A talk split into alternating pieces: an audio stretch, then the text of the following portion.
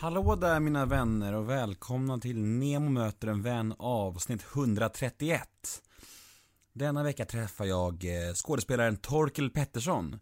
Och ja, jag har lite grejer att säga så här inledningsvis. Eh, först vill jag bara säga att eh, Första kvarten av den här podden spelade vi in på Dramatens, i restaurangen där, så om ljudet är lite konstigt i början så är det för att vi sitter i Dramatens eh, restaurang liksom. Men efter en kvart så går vi ner till Tor Torkels loge. Så då blir ljudet bättre igen. Men hoppas ni har lite överseende med att ljudet kanske inte är tipptopp första kvarten.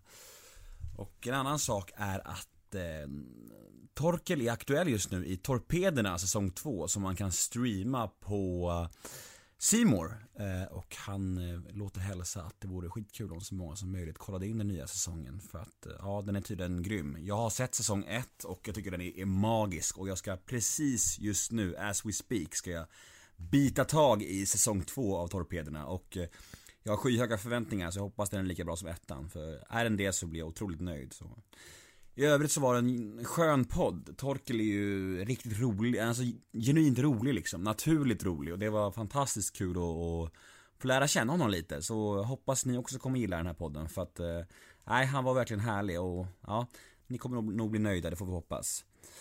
Jag heter Nemo Hedén på Twitter och Instagram. Hashtaggen är NEMOMÖTER. In och gilla oss på Facebook, Nemo möter en vän. Har ni några frågor eller önskemål gällande podden eller vad som helst, om ni bara vill kolla läget för mig, vad som helst, så skicka mail till nemohedén gmail.com Min hemsida är www.nemohedén.se Podden presenteras precis som vanligt av Radioplay och klipps av Daniel Eggemannen Ekberg.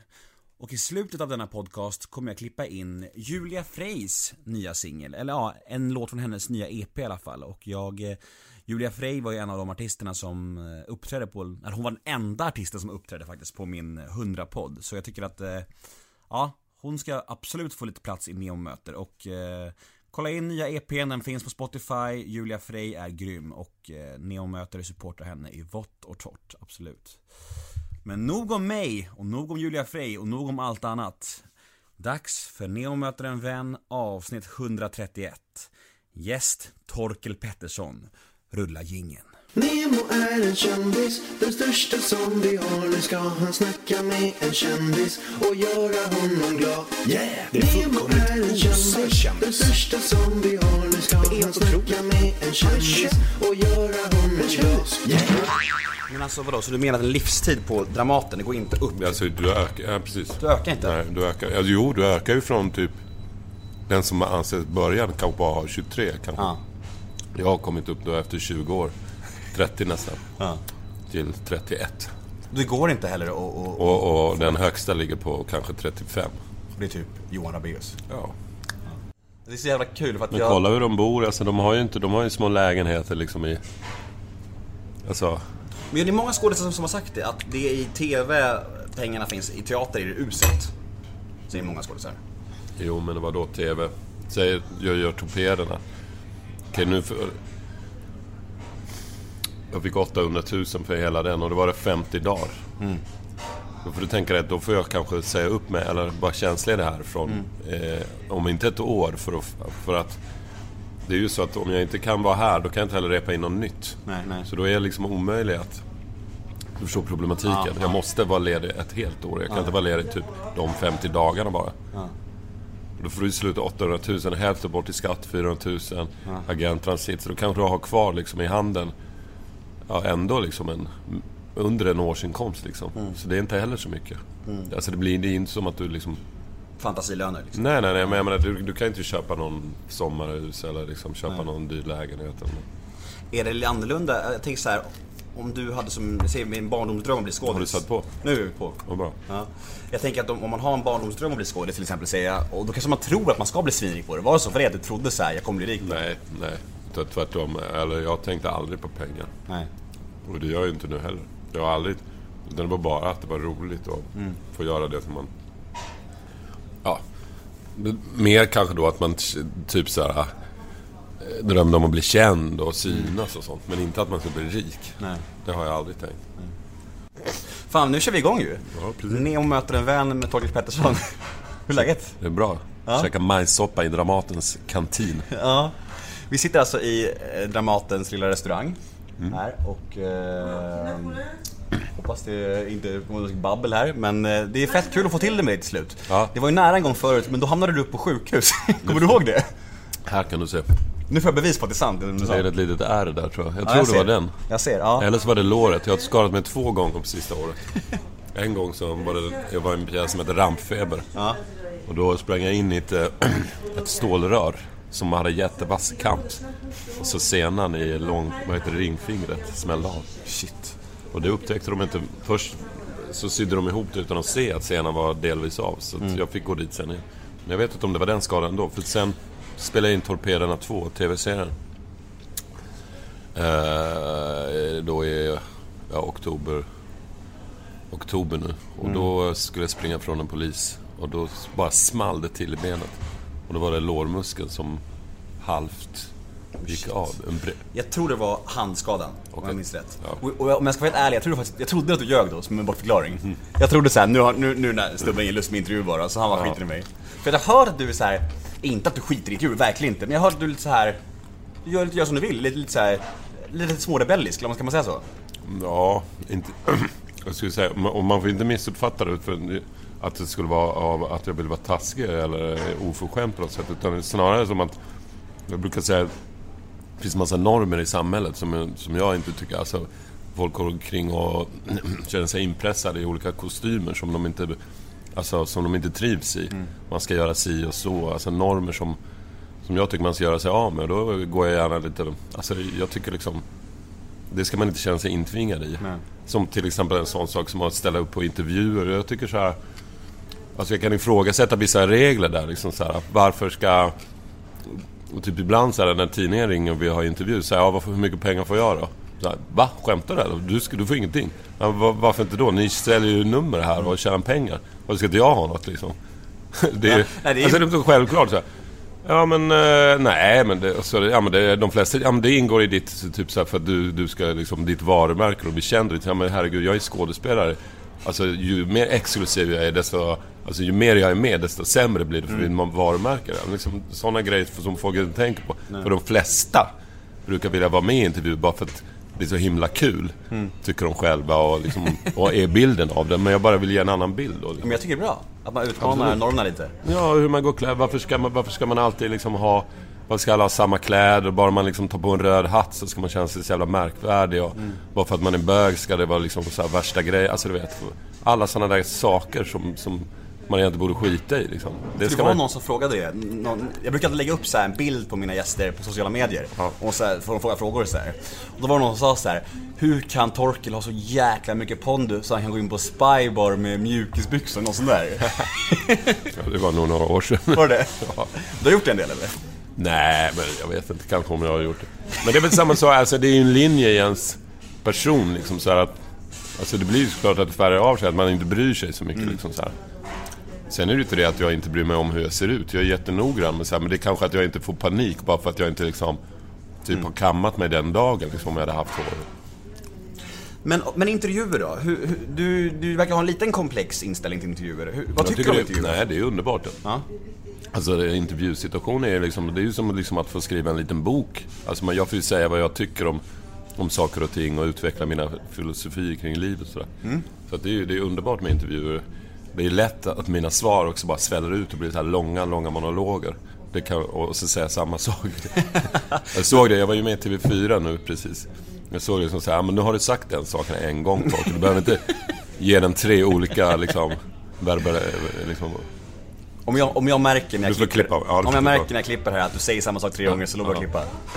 Men, jag, men tro mig, jag vill bara, tycker bara det är kul om du svävar iväg här. För det är, jag tycker det är meningen med podd också. Du kommer ha möjlighet att se vad Det är som att gå till, alltså en intervju, jag brukar jämföra med, det är som att gå till psykolog. Jag har gått till psykolog två gånger i livet. Inte bara två gånger, men två olika man säger. Mm. En gång var det ett år som jag gick till samma och sen så var det en gång och det var fyra, fem gånger jag gick till mm. samma innan.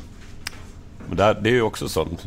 Jag vet inte vad det gjorde för nytta om jag liksom så här, men jag tyckte det var roligt. Och det, är liksom, det var skönt att få sitta och snacka själv mm, mm. skitlänge. Utan, alltså du vet, det, det är en rolig sak liksom. Mm.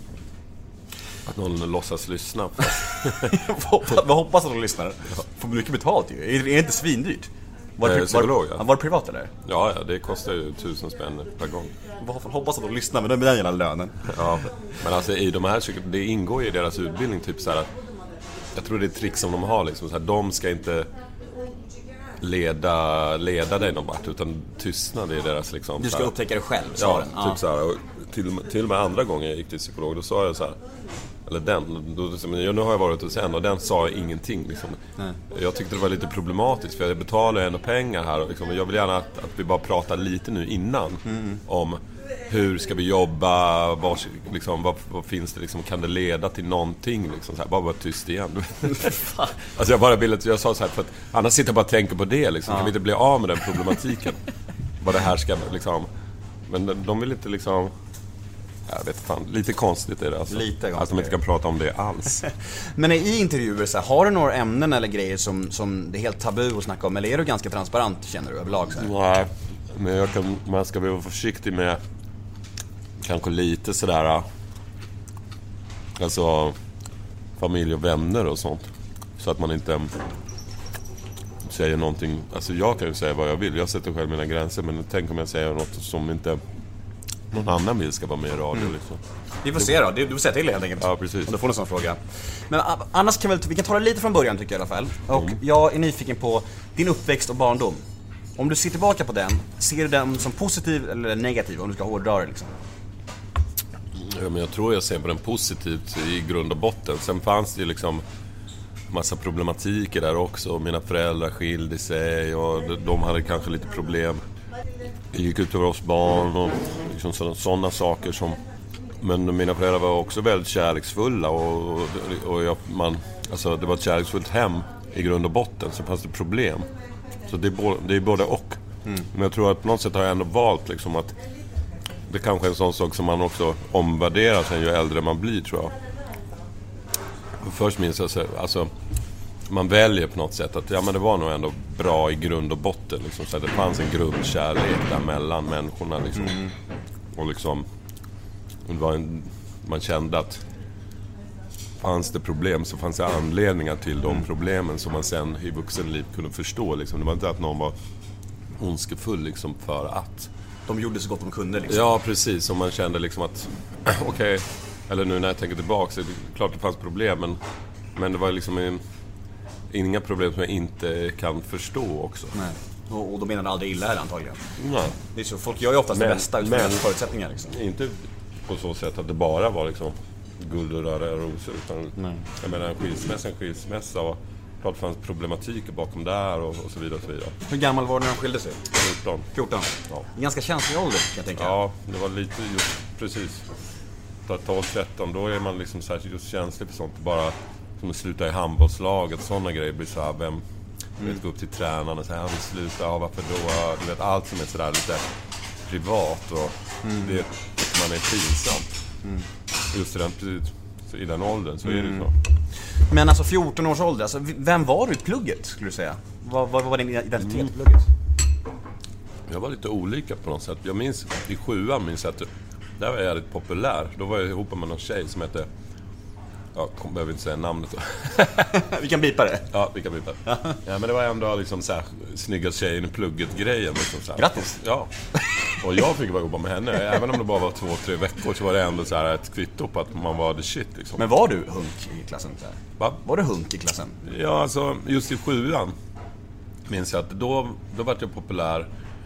Och då, då jag var en i dem i min klass, alltså från mitt område, liksom, som ändå tog sig in till centrum, hängde med, med gäng från andra skolor. Alltså jag var ingen mes liksom. Nej. Utan jag, vi hade ju, säg en klass på 30 så var det två killar kanske, jag och en kompis som, som vi hade så här modspark, alltså vi åkte inte, alltså vi var... Alltså de andra, de hade inte varit utanför väster liksom, där Nej. vi växte upp. Förstår du grejen? Alltså, vi var ju ändå...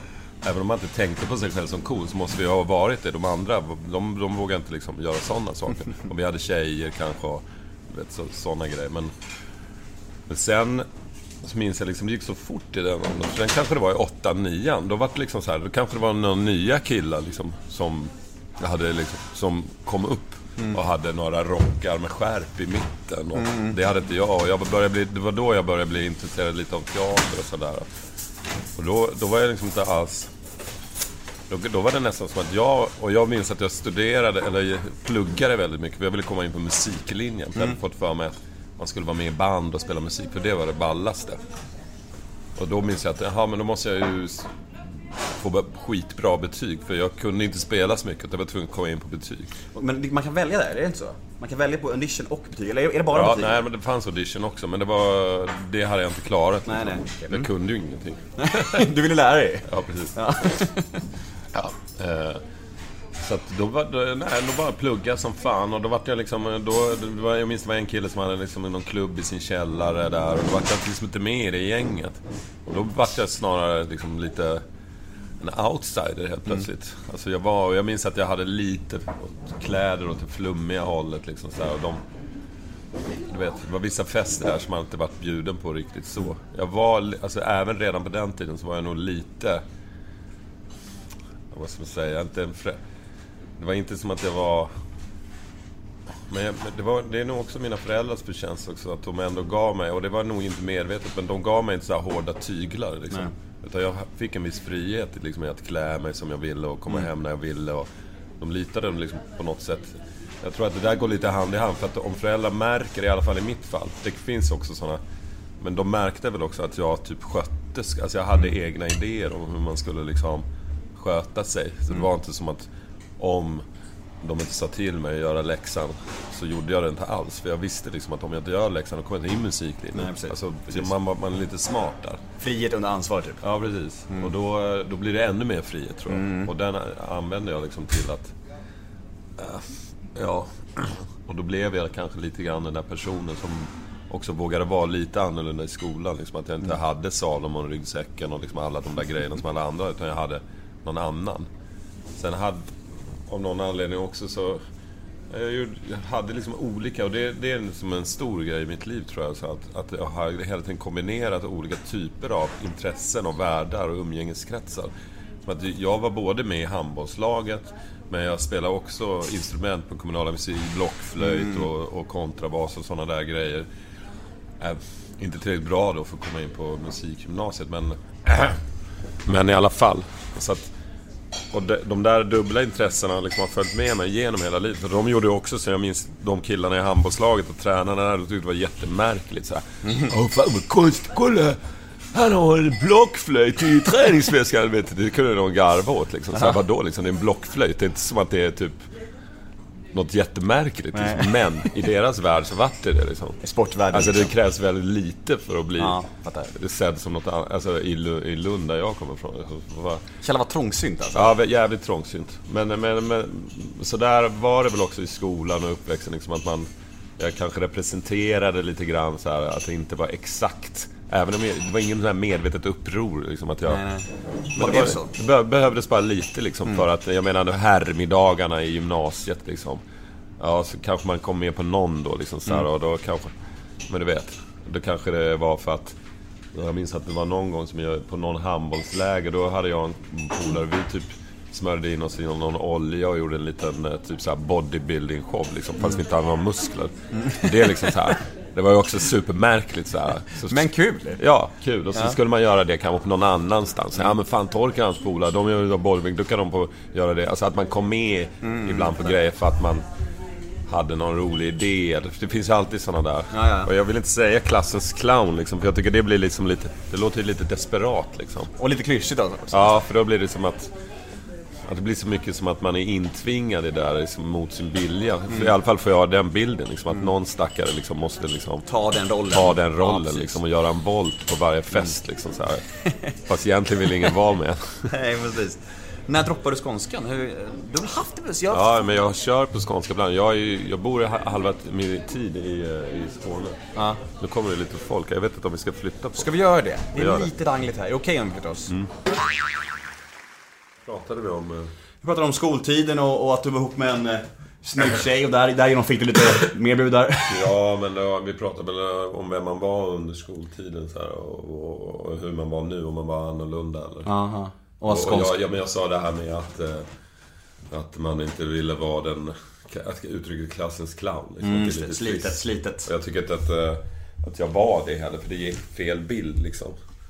För då är det någon som, som liksom, alltså att man spelar med och var den där knasten liksom. Som, Och så var det inte riktigt så här, för att, samtidigt till exempel som där i nian minns jag. Då, och det kan man ju tycka är svincoolt så här efterhand. Då, då hade jag slutat handboll, så vart jag lite intresserad av teater och sånt. Eller intresserad sig, men jag liksom började hålla på. Gick någon kvällskurs på Studentteatern i Lund och så var jag med i en, en amatörteatergrupp i Malmö som heter Studioteatern. Där var ju vuxna med. Och de var ju, alltså de tyckte man ju var svincoola liksom. Och, och, och vad var de mot? De, liksom typ några knastar i min klass liksom som hade typ jackor med midjebälte. Alltså, liksom, det här var ju coolt på riktigt ju. Alltså jag åkte in till Malmö med några studenter, var med i en teater med vuxna. Och det var ju extremt avancerat på ett sätt för en kille i 15-årsåldern. Och, och mina klasspolare då, de var ju fan typ såhär, satt i någon källare och spelade pingis. Det var ju Men- ingenting. Men min- minns du när den här drömmen om skådespeleriet eh, började? Och hur den började? Ja, drömmen och drömmen. det Var, men jag tror egentligen, enkelt var det väl liksom genom musiken så kom den där tv-serien Fame och du vet. Där, där liksom, så såg man, där var en värld liksom, man kunde dansa och i den där Fame var det ju också några som höll på med lite teater och så, så liksom när man fattade, jag tror det var någon gång man började koppla ihop grejer så här, för jag minns just det, att det var någon i handbollslaget som sa sådär Vad fan, teater är ju skitmässigt, fan, fan löjligt så här. Men så kom man så, ja men eh, såg du den där filmen? Det var ju en skådespelare som spelade den. Liksom, det, den tyckte du inte var löjlig liksom. Att man fattade att, ja men det där är ju skådespelare som gör filmer liksom. Det kanske man inte tänkte på först. Så började man säga, var syrran ihop med någon snubbe som höll på med det och så gjorde de någon film på gymnasiet och det, i den filmen så var det liksom med lite så här mord och liksom specialeffekter. Så därför så tyckte man det var coolt. Mm. Hade det varit en töntig film och bara prata, då hade man ju tyckt inte att det var så spännande. Nej, det är som Josef Fares, när han började med film, det var ju för att han var intresserad av karate som de först tyckte var coolt. De slogs på gårdarna och sen så bara, så skulle de börja filma det, skålade de Karate Kid så kopplar man ihop liksom något tufft intresse med något Ja, här fattar, lite fattar. mjukare intresse eller humanistiskt intresse så bara får man ihop det och på så sätt så blir det liksom som i hans fall en värsting som liksom kanske börjar hålla på med kultur. Liksom. Mm. Det, resan börjar i något annat. Det är inte som att man sitter där hemma och ens farsa, farsa liksom visar Tarkovsky-film och så, "Åh, så vill jag bli. Liksom, utan det går via något populärkulturellt som man själv har kontakt med. Mm. Men kände du, alltså minns du att du kände direkt att fan, det här är jag bra på? Eller hade du någon Nej. fallenhet eller så här? Tvärtom, liksom så här, man såg det där jag var med i den där amatörteatern, såg man de här vuxna skådespelarna som man tyckte de var så extremt fria och fan vad de kan göra allting. De var så jävla bra allt de gjorde. Själv så, vi gjorde ju pjäser med dem och de spelade, hade roller och vi var så här liksom, typ statister. Så man kollade ju på dem så här, fan, tänk man fick en replik och tänk om vi var som dem och så kanske nästa pjäs fick man en replik så här, och då vart man skitnervös liksom. Och så sa man den och så bara, fan vad det lät hej. Och så, du vet. Men, så, men längtan att bli som dem var så stark så man ändå liksom så här, fan, jag ska dit liksom. Men inte att man kände så här att man kunde. Hade du några förebilder i skådisyrket redan då? Nej. Jag tror liksom, på något sätt man väldigt, man har väldigt vaga tankar om vad skådisyrket var liksom. Det var inget som man liksom hade fått reda på i skolan direkt eller så här. Det visste man inte riktigt vad det var. Det, ens, jag hade inga förebilder. Det, det gjorde de i amatörteatern. De vuxna skådespelarna där. Men det, det här var ju också, det, det här var ju med 80-talet liksom. Det fanns inte så mycket TV och film då heller ju. Jag menar, man hade såg Tarzan med Johnny Weise då som 50-tal, men det var ju inte liksom... Jag tror att det är lite annorlunda nu. Nu finns liksom skådis, alltså finns en annan möjlighet liksom att bli de här sakerna och det liksom finns massa kanaler och jag tror ungdomar på ett annat sätt Så det finns i deras medvetande om att man kan bli det om man liksom vill.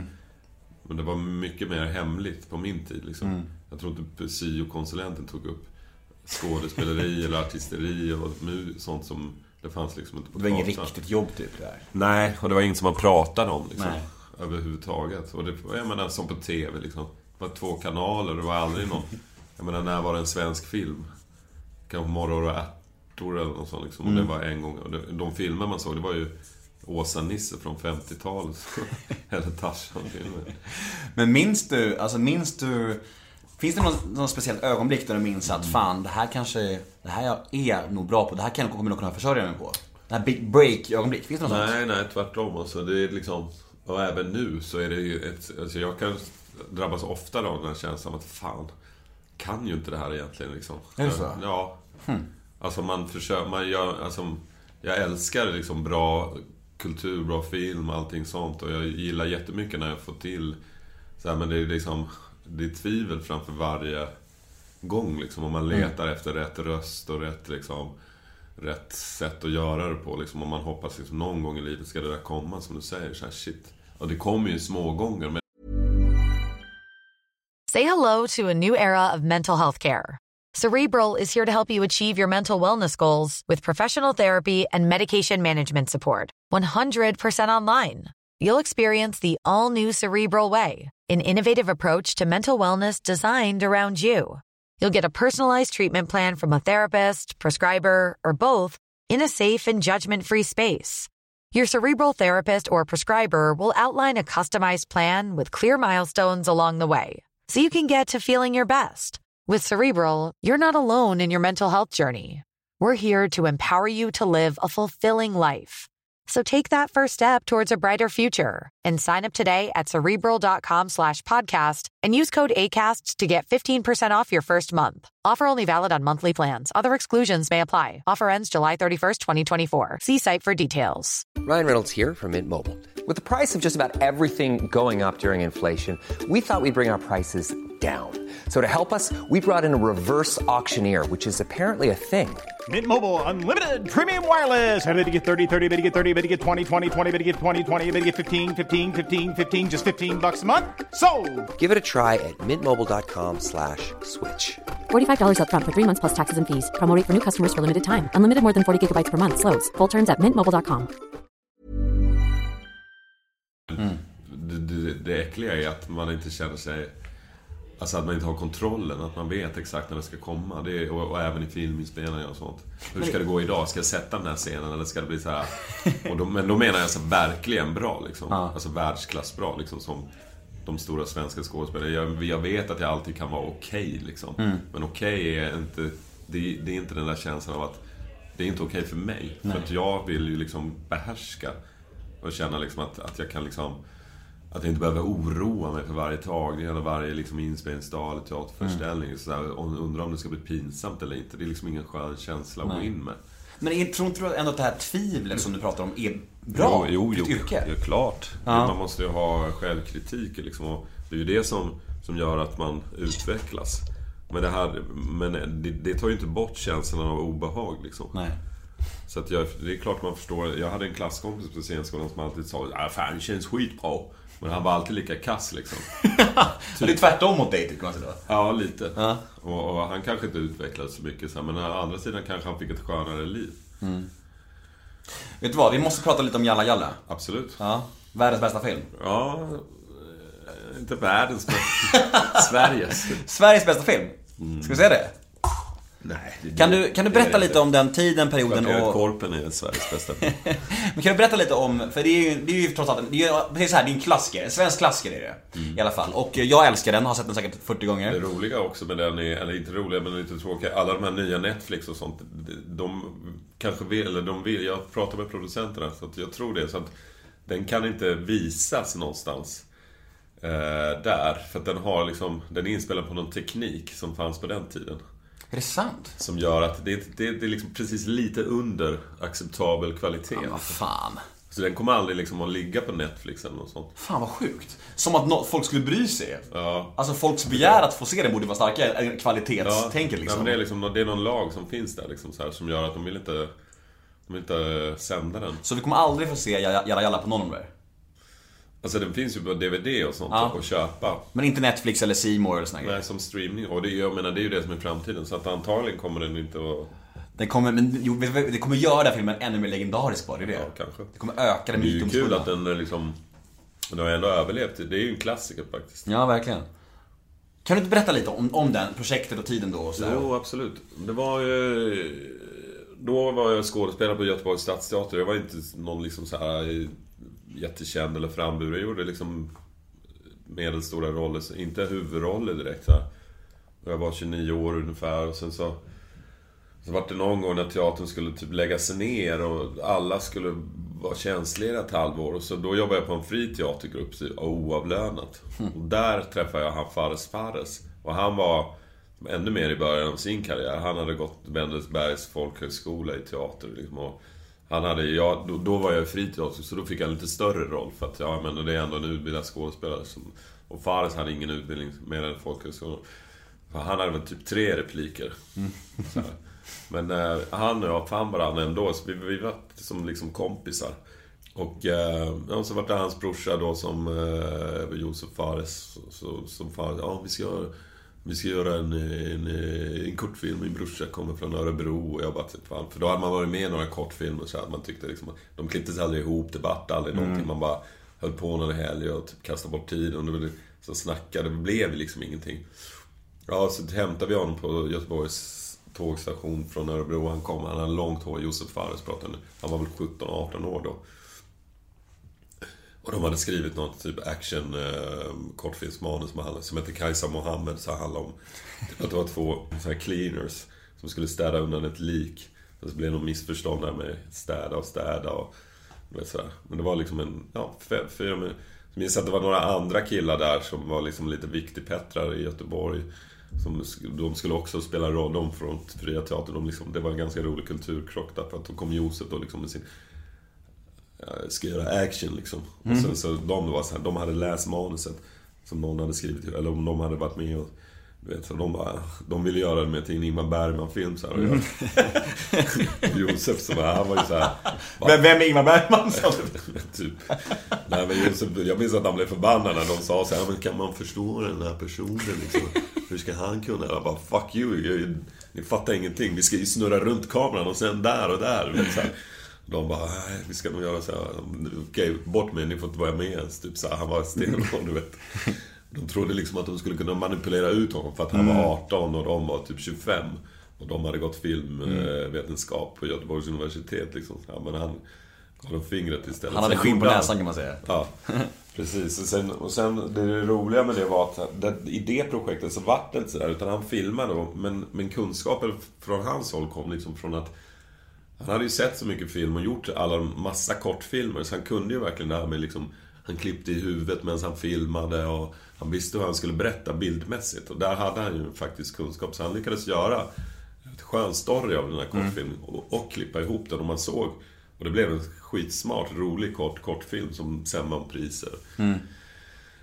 Och det, det där är ju ett, liksom, en berättelse om någon som kommer från ett, vad ska man säga, icke, icke-intellektuellt håll in i konsten. Liksom, men har det liksom på något sätt i blodådrorna. Och, och, och också ett, liksom, i, inte ett så skitnödigt liksom, sätt att förhålla sig till. För han berättar ju de historierna som han ville berätta, det som han tyckte var kul. Och, och det var liksom egentligen grunden till hans framgång. Att han inte hade gått liksom de här filmvetenskaplinjerna liksom, och var infekterad liksom, av att försöka vara någon som man inte var. Liksom. Det var ju mer sant sätt att förhålla sig liksom, till en ingång liksom, in i konstens värld. Och det, det är ju det som man sen märker i hans filmer också. Han är ju en av de få Faktiskt, även om han har gjort komedier nu liksom så, men folk fattar ju inte det där ofta. De tror liksom att han är ju en så kallad auteur, liksom att han har ett eget språk, en egen röst. Ser man en Fares-film, då vet man att det är han. För det finns en egen värld där. Det finns Typ Tarantino typ. Ja, alltså någon som har ett eget språk, en egen... En, jag menar många som kommer... Ta Espinosa, många andra som är skitduktiga på det de gör, men jag tycker inte de har en egen berättarröst liksom. De gör filmer i olika genrer, de gör det jättebra, men de har inte hittat sin, sin grej än. Nej, precis. Utan det är liksom mer som att de har lärt sig någonting utifrån. Och det, och det, det, det, jag menar om, du- om du tar Widerberg, Josef Fares och andra så här så, så kan man se liksom så att det här gillar de, därför gör jag en film på det här sättet. Och det är någonting annat. Det är egentligen... Det är, det, de är konstnärer på ett annat sätt, som jag ser det. Det ser man ju också på, på Josefs filmer. De är ofta lite naiva, lite barnsliga och sådär. Men han, han tar upp den där barnsligheten till, till en konstnärlig nivå som gör att det blir något annat. Och, och folk som inte kan se det, som tycker till exempel att filmen Cops är så här, en, en, eh, det hör man ju ofta, jag hörde Ronnys, säga Ronnys rullar, han bara, ja men det är för mycket pilsnerfilm. Så okej, det är pilsnerfilm på ett plan, men det är någonting mycket mer också.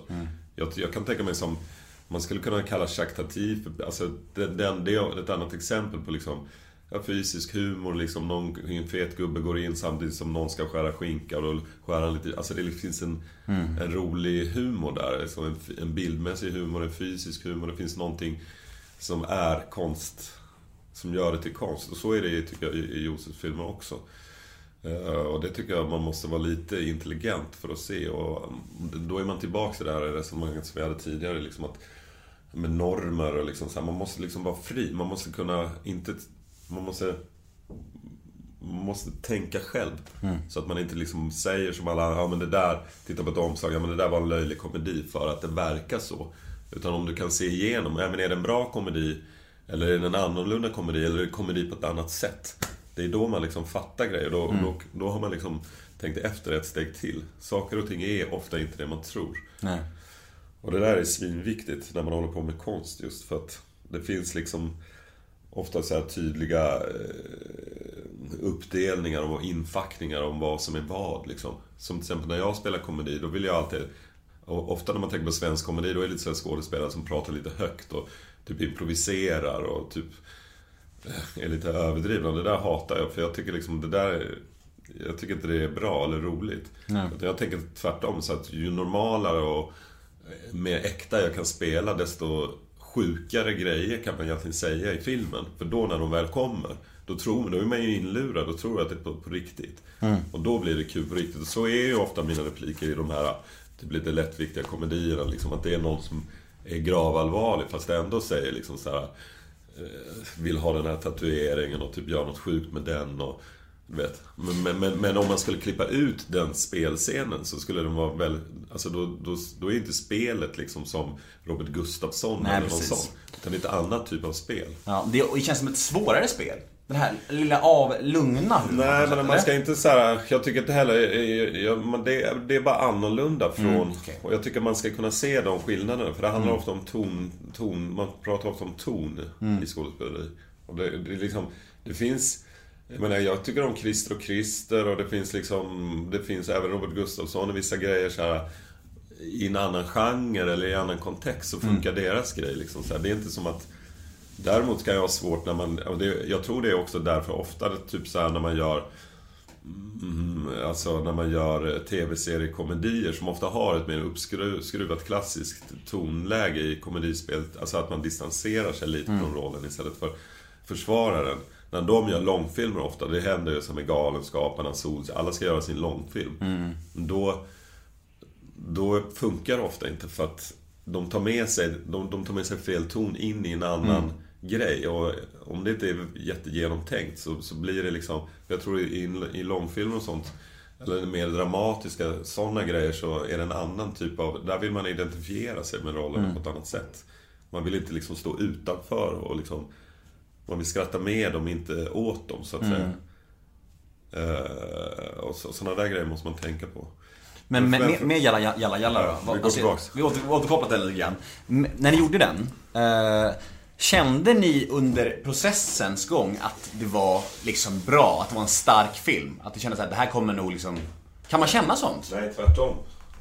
Alltså vi kände att... eh, Jag tror... Vi skrev för, för, för, för, Vi gjorde en testfilm. Det gick till så att Lars Jönsson på Memphis, han jobbade så liksom att Josef fick göra en testfilm sommaren innan. Så vi gjorde en som hette Coola killar som, som handlade om två polare som typ betalade in hyran fel. Och det blev en timme. Och den blev rolig men det kanske inte höll liksom fullt ut som biofilm. Men då, sen så sats, satsade de liksom på Okej, den här Josef Farekille, han får göra en film nästa sommar. Ja, så, så ringde han till oss. Ja, men då ska vi skriva någon manus. Och, så kom han till Göteborg, så satt vi liksom några månader i min lägenhet, kommer jag ihåg. På golvet och så skrev vi ihop det här. Först, vi hade gjort någon kort... Han hade kommit in på DI då, så gjorde vi någon film liksom, som handlade om, bara om en kille som inte kunde få upp kuken. Eh, och det var liksom huvudhandlingen. Men sen så... Svag. eventuellt. Ja, men ändå. Liksom, det var så här, han hade kommit så vet, han skulle åka till USA till någon klinik där och det var liksom så här. Ja, men eh, precis. Det, var liksom lite för, eh, tyckte de där cheferna, med Lars och jag tror Lukas Moody som var inkopplad också. Så här. Och då, då kom det liksom någon lite mer PK-handling där att Ja men det skulle vara det här med, med, med invandrarkillens giftermål och, och så kom kukhistorien liksom som en bistory istället. Så vart jag lite sur så här, fan det, jag skulle spela huvudrollen tyckte jag liksom. Men Då Baffi kan väl spela nästa huvudroll. Jo, så satt vi på golvet och skrev ihop det där. Och då minns jag just det där. För att jag var ju ändå lite grann som de här killarna jag berättade om innan. Man var liksom, fan, vad är det här? En jävla eh, ungdomar från Örebro liksom. Som bara skrev, liksom, vad är dialogerna? Det är så här, tjena, ska vi käka pizza? Nej, det är stängt. Och det var liksom, jag tänkte, vad var det? Det var för, för dåligt liksom. Det liksom. Fan är alla svåra ord och var är konsten liksom? Vad är det här för kast? Liksom så, här. så när vi hade manuset färdigt liksom så... ja, Så fick vi, någon- vi fick någon uppmuntran då liksom så här, när vi hade hittat på den där äh, giftermål, invandrargrejen med, med, med att han skulle giftas bort. Liksom, ja men det var bra, det blir som en omvänd Romeo och Julia historia hitan och ditan. Äh, eh, Men ehm, då fick vi lite uppmuntran där. Men sen när manuset var färdigt så minns jag ändå att, liksom, och så sa någon så här, ja men nu, nu tycker de att det är bra, vi ska göra det här i sommar. Så här, vi har typ så här, fått pengar från liksom, film. Det var liksom något klartecken. Och att jag kände så här, fan. Det är ett skämt liksom. Jag bara höll det där manuset. Det är, liksom, det är bara bajs här liksom. Det, det, bara, det finns ju ing, Det handlar inte om någonting. Det är bara... Liksom, jag fattar inte. Ska vi göra en film av det här? Och den känslan, eller processen, tycker jag har varit, den har varit ganska... Allt det här som jag har pratat om, liksom att saker och- att kunna se vad saker och ting är. Ofta är det så att innan eh, man har förpackat någonting snyggt och man står på, uppe på biografen och har premiär, liksom så här, eller eh, du vet, då, då är det ingenting. Men helt plötsligt så ser folk liksom så här, när det är förpackat, då så här, wow. Men att kunna... Det är det som är grejen, att kunna liksom tro på någonting innan. Det är också en, en, en lärdom och, och liksom eh, ett konstnärskap i det. Liksom att våga stå för en idé när den är i sin linda. När den inte är någonting. Liksom. För sen efteråt, när den är hyllad eller man har satt kläder på den eller någonting, då är det ganska lätt. Det, det är samma sak som att om jag står hemma i lägenheten och läser upp en liten dikt, då tycker inte mina föräldrar kanske att det är så märkvärdigt. Men om jag tar på kostym och gör samma sak uppe på en scen, då bara Åh, är du skådespelare? Alltså du vet, jag gör ju samma sak. Underskattade du Josef lite då? Där, där då alltså? När ni hade spelat in den klart och så här. Jag inte underskattad honom, men alltså jag hade, det var väl dubbelt. Men jag hade liksom, jag jämförde ju inte honom med någon Bo Widerberg eller någon liksom så här, det var, Eller någon seriös, alltså någon riktig. Nej. Alltså innan Jalla, eller det där. Det har ju kommit efteråt. Alltså då... Jag tyckte jag var jätteimponerad av kortfilmen och så här, Jag tyckte han var duktig och sådär. Men det var inte som att jag... Det, men det var ju mer mitt problem. Det var att jag inte trodde liksom så här att... Alltså något som hade med mig, mig att göra kunde vara en riktig filminspelning eller att det liksom... Jag, jag såg det mer som att fan, det är mina kompisar som låtsas, vi låtsas att vi håller på med det. Alltså, Det var inte som att man, och det var jävligt kul och, men man hade inte det där... Det var inte som att jag, om jag kom till Stockholm liksom, och skulle träffa Persbrandt, så att jag hade sagt att Tjena, vi är samma bransch, eh, jag också skådespelare. Alltså, du vet, det hade jag inte sagt på den tiden. Liksom. Nej, jag fattar. Utan det var, man, man såg liksom, okej det är kul, man kanske drömde om och, och man ville att det skulle bli bra och sådär. Men man, hade, man, man trodde nog det var mer på lek just då.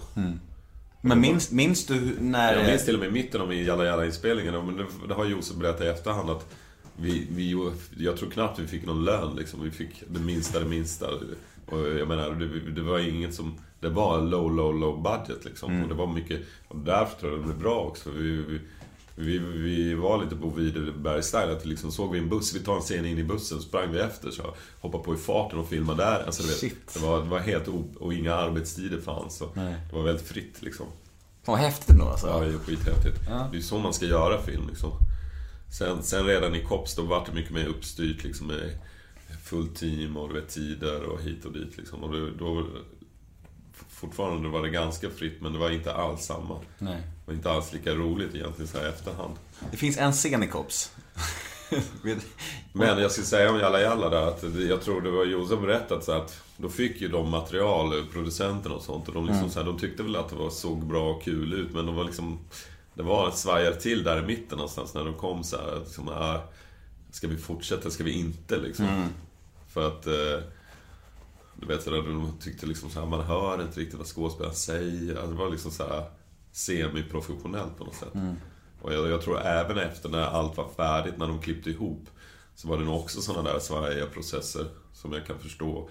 Att liksom så här, kanske var två och en halv timmes material och du vet så här, ska vi liksom göra den här filmen? Så var det något läge där de klippte om allting och så liksom helt plötsligt så, så började de tro på det. Och sen liksom var det... Men även sen när, när den hade premiär, jag tror den gick upp på... Nu kan jag ljuga, men 20 biografer, eller väldigt få biografer, fem eller 20 eller sånt. Och jag minns Colin Nutley när Gossip hade premiär samtidigt. Den var 100 biografer och där var alla kända skådespelare med. Och vi hade typ så här, Men sen kom typ så här, fick vi svinbra recensioner av Nils Petter i filmkrönikan och det bara exploderade och helt plötsligt så var vi 100 och de 20. Och vi tog över hela den där, mm, du vet, det var så här långa köer utanför biograferna för alla jävlar. invandrare skulle ju se den. ja, men Den fick 800 000 och det var ju svinmycket och det är ju fortfarande... sjukt. Ja, det är- en miljon liksom. Men det var den här känslan. Jag kommer ihåg min farsa, någon sa så här, Eller var någon, jag jobbade på Göteborgs stadsteater, så de sa Fan det är en sån jävla...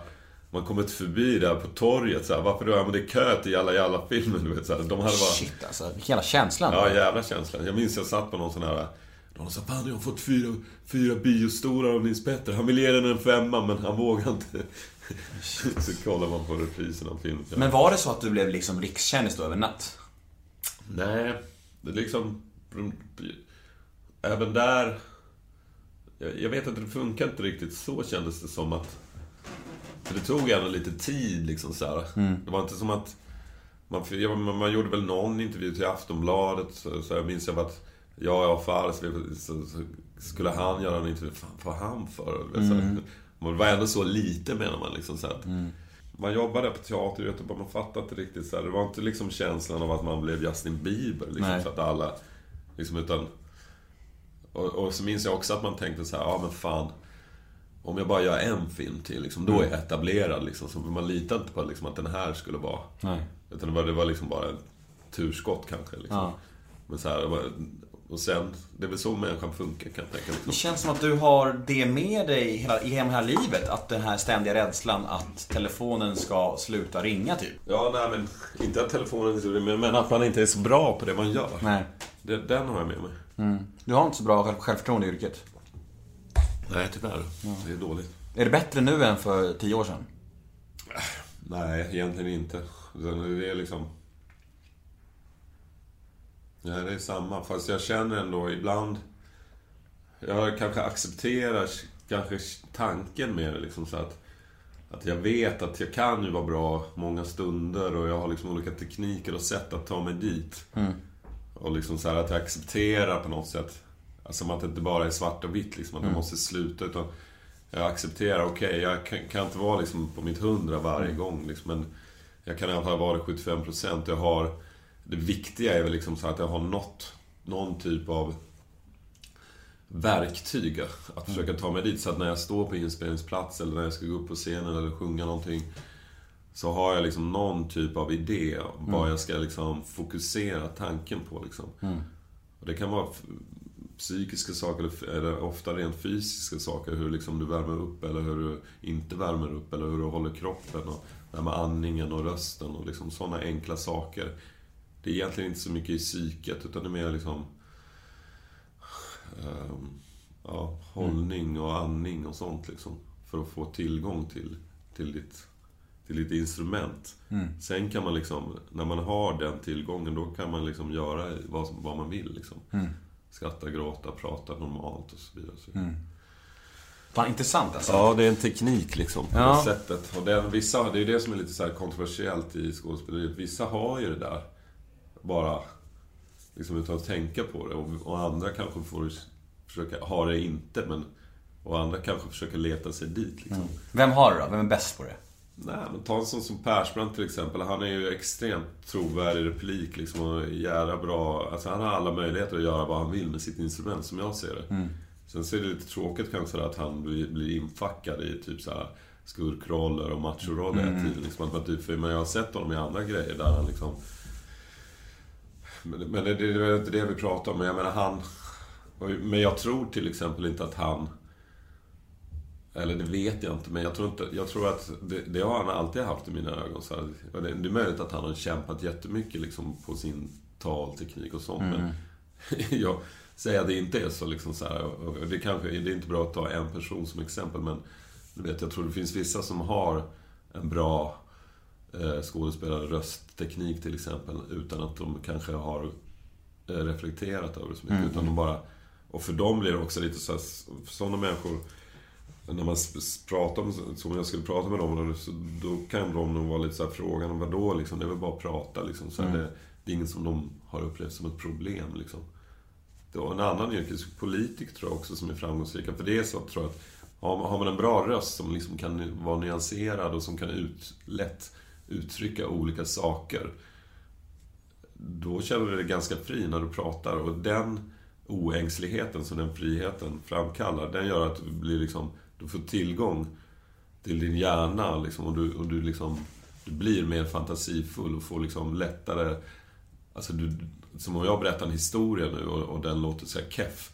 Och jag ska härma liksom en präst och jag kan inte göra det trovärdigt. Då blir jag orolig, så blir jag ängslig och så liksom börjar jag bara tänka negativa tankar. Då, kan jag, alltså, då, då blir jag ofri i hjärnan. Jag får inga associationer, du vet så här. Men politiker som, liksom, som flödar, ofta, alltså, ofta har de bra röster. Som kan nyansera och göra olika saker och göra sig förstådda. Det gör att, alltså det, det är då de, det är därför de kan stå och babbla så mycket som, alltså du vet. Som man, som man kan bli imponerad. Jag, jag vet själv hur det är när man, när man har en bra, när jag har en, en bra röst eller liksom sådana grejer, då då eh, tycker jag det är roligare att prata. Du vet, alla, alltså, men även på scen. Liksom, så här, jag, jag vågar ta min plats, vågar ta mina pauser, vågar liksom vara där och inte liksom... Men däremot om man, om man är, upplever sig kass, om man liksom känner så här, shit vad, vad entonig jag låter eller liksom vad... vad oh. Och nu kommer säkert många tro liksom, så det handlar inte om att ha en fin röst. Så Ofta bra röster kan vara väldigt så här, defekta. Om du kollar på Hollywoodskådespelare, de låter ju ofta som de väser hela tiden. Men det är någon typ av avslappning eller liksom, någon sån där, eller vibration liksom. Det är någonting som gör att det lever bara. Eh, Det, det jag vill komma är liksom att Alltså genom den tekniska kunskapen som du kan ha medfödd eller kämpat dig till Så kan det Alltså om du känner dig fri i den så får du tillgång till det psykiska. Men det är inte tvärtom tror jag. Alltså många skådespelarutbildningar går liksom så här, aha, jag ska förstå rollen, jag ska leva mig in i rollen, jag ska stänga mig in i en garderob liksom, så att jag känner som den liksom. Och så kommer de ut och de är fan 10 000 gånger sämre än Persbranten som bara liksom så här tar manuset och bara “Tjena grabbar”. Du vet, han spelar bättre ändå. Han har inte suttit i någon jävla garderob ändå liksom. Nej. Alltså, det, det är därför jag, tror- jag tror att det tekniska kommer först. Sen kan du börja applicera det, det, det, det psykologiska. Hur är din röst idag då? Ja, men idag är den ganska okej. Ja. Skön timing då för podden, tänker jag. Men, eh, ja. ja, men det, var, det, det, var- det, kan, det, det, var, det var liksom eh, som igår. Jag sjunger, jag sjunger klassisk musik, alltså sång. Jag tar sånglektioner för en operasångare och, jag har hållit på med det hela livet också. Det är också en dröm jag har, att kunna utveckla det med. Men det där är det mycket med andning och, och röst och sådär. Och det hjälper mig också i skådespeleri, i talrösten. För det är egentligen samma sak, fast det är en förlängning av, av talrösten kan man säga. Men eh, jag skulle sjunga till exempel då, då håller jag på med något, Och jag, där håller jag på att ta steg nu hela tiden. Liksom så här att, ja så ska man göra, så ska man göra, du vet så här, För att få bygga, alltså det är som att bygga en katedral på ett sätt. Du, vet, du bygger upp ett instrument. Eh, med andningsteknik och, och avslappning på rätt ställen och, så, och, och projiceringar, placeringar av toner och hitan och ditan. Liksom en, när, där var det som att när vi repade då eh, gick det jävligt bra och då fick jag liksom tag i, i vibrationen. Alltså, det är som ett papper, du vet, som så här. Alltså det måste, man, det måste vara någon liten muskelkraft som gör att det blir själsvängning när man sätter ihop två A4-papper. Så, att, så de liksom, vet du det experimentet? Ja. Man har en luftstråle som... Men det blir, är det för hård luftstråle eller för hårt tryck där? De där måste vara liksom avvägda om man säger. Och det, sådana saker till exempel när jag ska sjunga. Det hittade jag perfekt rätt. Eh, Och då började jag med att inte spänna mig på fel sätt. Men sen på själva konserten vart jag lite nervös och du vet så här. Så då tryckte jag på, det var någon grej som inte stämde. Så då kom jag in i ett bad flow där. Så jag liksom, då vart rösten trött helt plötsligt. Så det kan vara så, smart, så små saker som avgör. Ja, men det var liksom, ja precis. Ja, men det är som att du, eller som jag upplever det nu, som att då börjar man ta i på fel sätt och då blir det liksom en negativ. Alltså då blir muskeln trött. Istället för att den blir så här självsvängande. Jag tror, till exempel, ibland man hör uttryck, jag vet inte om det är jämförbart men eh, den här, eh, man säger 100 meters löpare så säger man, så då tittar man så här, fan. Och så säger de efter, nej jag spände mig säger Ben Johnson. Eller han. Usain Bolt. Usain Bolt. Eller han efter, du vet så här. Han som alltid förlorar, han, bara, han spände sig efter halva. För han märkte han började förlora. Ja, men, eh, och då tittar man på dem, fan, de spänner sig väl som satan liksom. Så man ser det, "Åh, de har muskler som fan. Vad snackar de om att spänna sig? Det är klart de spänner sig, men Antagligen är det så att de måste hitta, alltså det är rätt typ av anspänning, spänn, alltså Balansen. Den, ja, och att den kanske växlar hela tiden. Och de har de här musklerna, men de kan inte spänna dem så. Utan de liksom måste spänna dem på ett avslappnat sätt. Och, så att de utnyttjar musklerna. Annars blir det som att muskeln kanske spänner sig inåt på något. Alltså, man kan tänka sig att Alltså sådana grejer tror jag gäller även för, för, för sångröster och sånt. Liksom att, eller du vet, när man ska ta i med störet och hit och dit. Liksom att man ska använda en muskel, men man ska inte liksom spänna den i onödan på något Nej, sätt. Det är, liksom, det, det är små, små skillnader. Och de, om, om de inte kommer naturligt eller gör sig själva, då, då kan det liksom resultera i, i att, de, att, musklerna blir trötta. Och då, blir man liksom, då börjar man låta klämd eller hes eller, eller nå- om man nu ska sjunga. Alltså det, det är sådana där grejer det handlar om. ju. Men alltså det här med, om vi ska återkoppla till självförtroendet då. Jag tycker det är så intressant. Alltså, hur är du då med kritik till exempel? Jag tänker, om jag säger till dig så här, ja men fan, jag tycker du var fantastisk i Patrik 1,5 till exempel. Kan du inte ta den kritiken då? Blir blir, tänker du bara så här, nej nu ljuger han? Eller kan du, kan du ta en komplimang? Jo, det kan jag göra och jag blir jätteglad. Men Jag tycker du är fantastisk idag. Ja, tack. Ja. Men ändå så, det är liksom, jag ser ju liksom bygget bakom. Det Mm. gör ju inte att jag, jag vet ju så här. Ja men ändå, de har klippt ihop den bra, jag gjorde bra grejer så här, men det, det liksom, hade jag varit en riktigt bra skådespelare då hade jag bara typ så här, gått dit och rivit av den så här, och det, Men nu vet jag hur mycket jobb det låg bakom liksom. Förstår du vad jag menar? Mm, jag fattar. Jag kan liksom se, det, det gör inte att jag helt plötsligt, ja du var bra på 1,5 och så här, shit. Ja just det, det är jag. Därför kommer jag nu kunna gå in på scenen och vara helt genialisk utan att förbereda mig. Så som jag skulle vilja liksom så här, utan, det, det hjälper inte mig för jag ser liksom bakom arbetet och jag, det gör inte att jag litar liksom på, på min kunskap. Nej, men alltså, men alltså att du börjar så analysera och bryta ner det sådär. Det, det känns som att din självkänsla är lite sisådär alltså.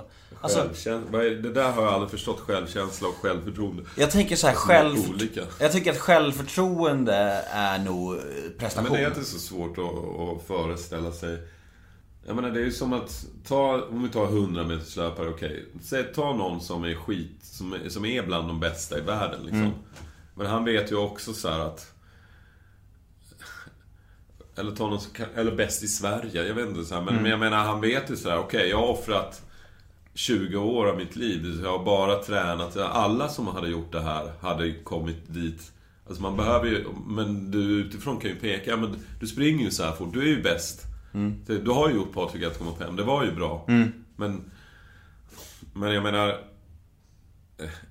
I hans fall så kanske det, där kan du ju inte ta bort, som i skådespeleri kan du ju för där, han har ju de här musklerna på benen och han kan ju springa så fort när han vill, tror jag. Så här. Men skådespeleri är lite flummigare på det sättet att det, det är inte... Den är inte lika faktisk, den kunskapen. Så det där är nog ännu lättare att tvivla. Men jag menar, jag ser ju också liksom... Jag jag tycker inte att det är... Jag tycker bara att det är intelligens egentligen, liksom att, att kunna... Jag tycker inte det är dåligt självförtroende kanske egentligen. Liksom. Utan det är, jag ser ju vad jag har gjort och jag ser när det är bra. Men jag vet ju också varför det är bra. Jag har en teori bakom det. Och jag känner mig osäker i om jag ska kunna upprepa det som var bra den gången. Det, är liksom, det, är, det är inga konstigheter egentligen. Det kanske bara är sunt. Ja, jag vet så här att... Jag vet själv så här att eh, typ en del tagningar när jag har filmat liksom så här, ser jag på regissören, för fan. Det här kan vi inte ha liksom. Alltså du vet. Och då ser man som på regissören. Nej men man känner det själv också liksom. Nej, Ja. det här var ju inte bra liksom. Så, här, så får man göra det 20 gånger liksom. Jag vet att det kan gå åt helvete. Det, det ljuger jag inte. Mm. Och jag vet ju att det finns. Och jag vet att det kan bli bra. Och så kommer någon och säger, men varför har du så dåligt självförtroende? Nej, för att det är så. Jag är inte bra alltid. Nej. Men, men, vet, men, men känner man själv då, när man filmar, känner man så här, fan den här satt nu, eller vet man aldrig det? Ja, man kan ha... Men, det är det som är sant som vissa säger. För de säger att du ska inte tänka så mycket och liksom, du ska vara mer i det och du ska inte liksom sätta på dig utifrån glasögon och hela den slags. Det har ju sin sanning också liksom. Så för att det finns saker, alltså jag tror att när man känner sig lite dålig så blåser man upp det liksom. Så mm. Att liksom det blir en jättejobbig känsla. Det går mm. ganska fort tror jag. Det är som att du ska hålla tal på en middag liksom. Och du känner så här, ingen garvar liksom. Du lägger upp ett skämt liksom. Mm. Så blir det tyst. Det är klart.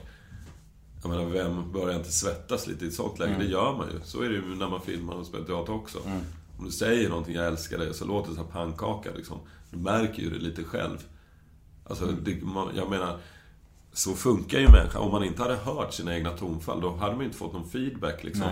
Det, det, måste ju fungera så psykologiskt. Du, du liksom, annars hade det ju varit någon konstig, jag vet inte vad det kallas, autist eller någonting. Att du mm. pratar men inte liksom har någon, du märker inte när du låter arg eller ja. alltså, du vet, bara ba, ba, ba. Det hade det, ingen kan påstå att det, så är fallet. Ju. Nej. Utan hela tiden så här, och som skådespelare tror jag, men där är man jättetränad på liksom att hela tiden i alla fall de som är bra, ska, eller liksom, man är ju känslig liksom så här, på tonfall. Mm. Man hör liksom så här, eh, alltså allting ligger i tonfallet. Det är liksom vad, vad man säger. Så om jag säger jag är glad liksom. Mm. Och låter ledsen, då är det ju det ledsna man tror på. Det är inte mm. orden. Nej, men så är det. Vad ska säga? jo, men att... Eh, men vet man när det sitter liksom? Ja, precis. Jag tror att någonstans att man känner det lite grann, men sen med en viss felmarginal. Mm. För, det kan, för det kan finnas olika kongeniala sätt att mm. liksom få ihop det ändå. Och du vet, det kan bli... Alltså ibland när det blir slump... Alltså du vet, du kan klippa ihop saker och du kan liksom uttrycka saker som du inte kanske... Som ni skådisar kanske Ja, som du inte trodde. Eller ja. du vet, man kan alltid liksom hitta sådana effekter. Men jag mm. tror i grund och botten så skulle jag nog säga att och sen kan det ju ett vanligt fel som många skådespelare gör, det är ju liksom att de tar den där bra-känslan och missbrukar den. För det som händer då, det är ofta liksom så att man känner sig bra. Och så börjar man liksom gå in i det landskapet liksom och ta jättelånga pauser och typ babbla för mycket och du vet såhär, mm. prata ännu högre och spela ut Alltså du vet, du börjar liksom vältra dig liksom. Och då, mm. då, då blir det ju dåligt av den anledningen liksom. Mm. Men kan man vara oense, alltså du, du och regissören, så här, att till exempel om han säger Ja, nej, ta om den där och du bara, men den där kändes verkligen som den satt. Eller tvärtom. Liksom. Det tycker jag händer ofta och jag tycker ofta att det är att Det är ofta som att jag som skådespelare jag tror problematiken på just film och sånt, det är väl ofta att det är ont om tid hela tiden. Och mm. regissörerna, de har ju sett liksom så här, om det där fungerar. Och liksom så här, de, vet, de har ju svaret på ett annat vis. Mm. Liksom. Men jag upplever ofta som skådespelare att man liksom... Man vill mer, man känner så här, jag har mer i mig, jag vill, jag, det här kan jag göra bättre liksom. Mm. Det var okej okay, kanske, men jag vill hela tiden mer. Mm. Det är lite oförstådd mot regissören där som inte riktigt... Kanske...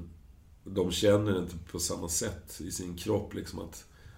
Att man har mer i sig liksom. Mm. Utan de tänker så här, ja men det här det här var okej okay, liksom. Mm. Den, så tycker jag ofta det känns. Och det är lite tråkigt på det sättet att man, man inte får... För ofta är det liksom så att när man har gjort en tagning en gång bra. Då känner du sig som skådis, okej okay, nu kan jag slappna av, nu kan jag liksom... Mm. En gör en till, gör en till. Ja, nu, ja. Nu, nu blir det roligt. Nu mm. det roliga börjar. Mm. Fram till dess så var det liksom så här, nu ska vi bara få i båten i sjön liksom. Ja. Och sen, sen när man väl ska börja segla, då säger ja nu är det klart. Mm. Fan. Det är ju det är riktigt, ofta är det så. Men varför är det, varför... Då vill man göra alla de där extra grejerna, vet när man sitter så här och, vet, jag menar, när man känner sig helt avslappnad och kan liksom så här göra massa mm. sköna moves, och, vet. Men man kommer inte dit. Man kommer sällan dit egentligen. Eller man gör ju det. Ofta är det också så här, det, det, som i filminspelning, liksom första dagarna kan vara liksom lite sen när man väl har landat i det där. då får man ju det självförtroendet. Mm. Men det värsta är liksom precis i början, man ska typ bevisa då liksom för alltså att man kommer igång bra. Mm. Så det, där är det alltid lite mer nervöst. Mm. Jag hade ju med Gustav här, Skarsgård, som du spelade emot i, i, i Patrik 1,5. Eh, och då frågade jag honom hur man förbereder sig inför en sån roll, där man spelar homosexuell. Om det är på något speciellt sätt eller... Då, då kan ju du få samma fråga, tänker jag. Ja, Jo men det, alltså, mitt gamla kvar, alltså jag tror inte egentligen man behöver förbereda. Är man en bra skådespelare så behöver du inte förbereda dig. Alltså det, det var det jag sa liksom. Om Persbrandt ska spela en roll, då är han bra liksom. Och han kommer vara bättre än den som har förberett sig i 3000 år. I garderober och vad du vill. Däremot, så är man ju den man är liksom. Så, här, så att om jag kan liksom förbereda mig och bli 10% bättre på grund av. Då är det väl ändå värt liksom. Men Jag kan egentligen kan, jag kan inte göra om mig liksom till att helt plötsligt bli bra. Förstår du vad jag menar? Nej. Alltså det är ändå det, det, är ju det som är det viktiga. Det, det jag säger det för att liksom, man ska inte tro liksom, att man kan förbereda sig in i en roll på det sättet. Liksom. Däremot är det ju roligt liksom, om, om du kan få in sköna detaljer liksom, som du kan liksom, applicera på ditt Mm. bra skådespeleri.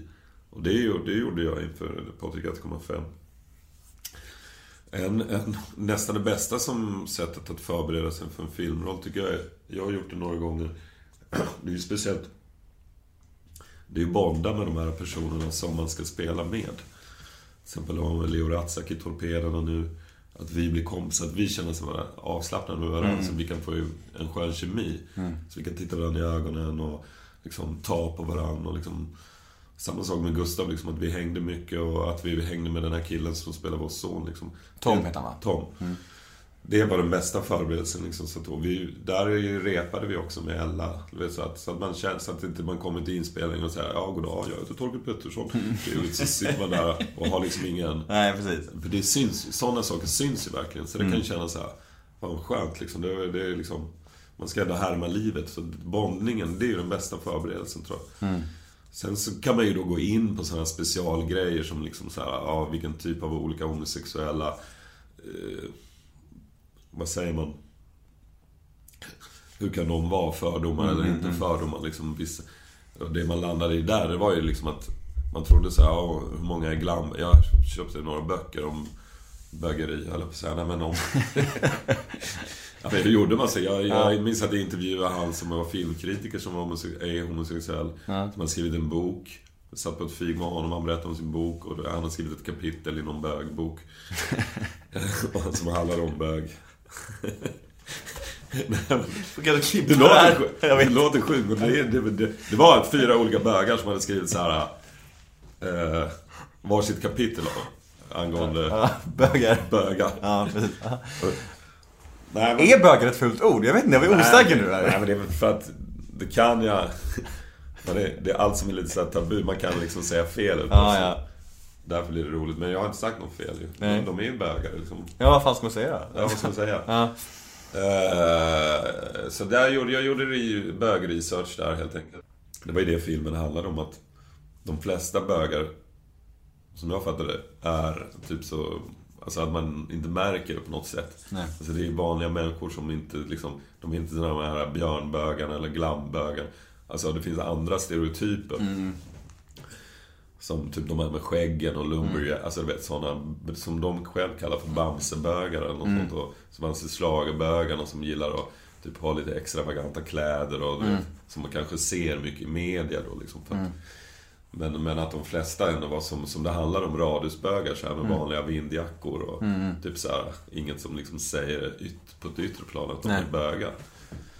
Och det var ju även, det var ju någon, vi såg någon dokumentär där också som om två de första som hade fått tillstånd att adoptera då. Som också, ja typ, som ser ut som vem som helst såklart. Men eh, som sagt, ja men jag gjorde research där. Och, men jag hade nog kunnat... Och Gustav, han sa väl liksom så här, för han spelade lite mer... Tror jag hans roll var lite mera...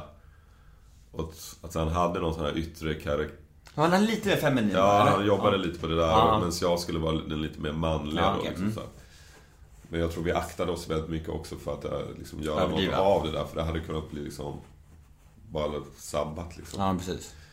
Man... han, han var nog lite mer inne på det där. Och jag tror att det har också lite grann... Jag tror att hans skådespelerisyn är lite mer så här. Jag vet ibland när han pratar liksom, och, liksom om skådespel... Liksom, han har, jag har ju den här väldigt tekniska ingången liksom. Men så han... Han snackar mer om att man spelar olika roller hitan och ditan liksom. Så här, men jag... Jag, vet, jag köper inte det riktigt sådär liksom. Jag tycker ändå liksom så här. Jag tycker man, spe, man är sig själv. Så genom att jag säger till exempel att jag är läkare. Så, så tänker jag att... Ja, då är jag ju Torkel läkare liksom. Så här, Jag behöver inte vara någon liksom så här... Alltså genom... Det finns så jävla många olika skådespelare, så varför ska jag vara någon annan? Liksom, som stammar eller pratar med pipig röst eller... Det kan ju väl vara den här och göra rollen liksom, om funktionen är densamma. Så jag ser inte liksom värdet i att liksom, ändra på sig för mycket. Liksom. Då, då kan man vara någon annan i så fall. Utan liksom bara tänka i så fall, Jag berättar historien, okej, om jag nu är en person liksom som, som har dåligt självförtroende och ska åka till Afrika liksom, så då får jag väl... Vad heter det? Nej men jag menar, jag kan vara det men mörk... Alltså jag fattar inte liksom... All, alla, jag förstår inte liksom varför skulle man då påstå något sånt ja men om du har, om du har det här problemet då, då har du de här yttre egenskaperna. Nej. Det finns väl människor som är presidenter som har pipiga röster, eller mörka röster, eller bra eller dåligt själv... Alltså du vet. Mm.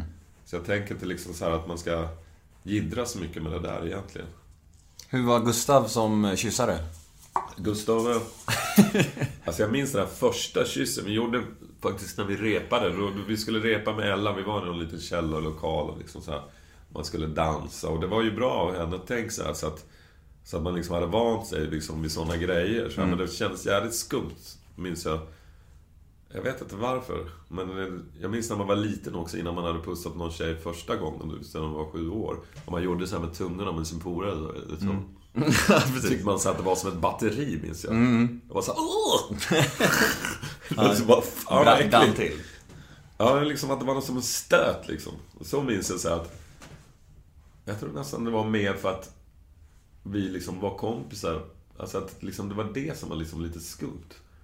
Att, att, man- att man... Alltså hade det varit en främling, hade, det hade nästan varit bättre. Alltså när man skulle göra, kyssa en man.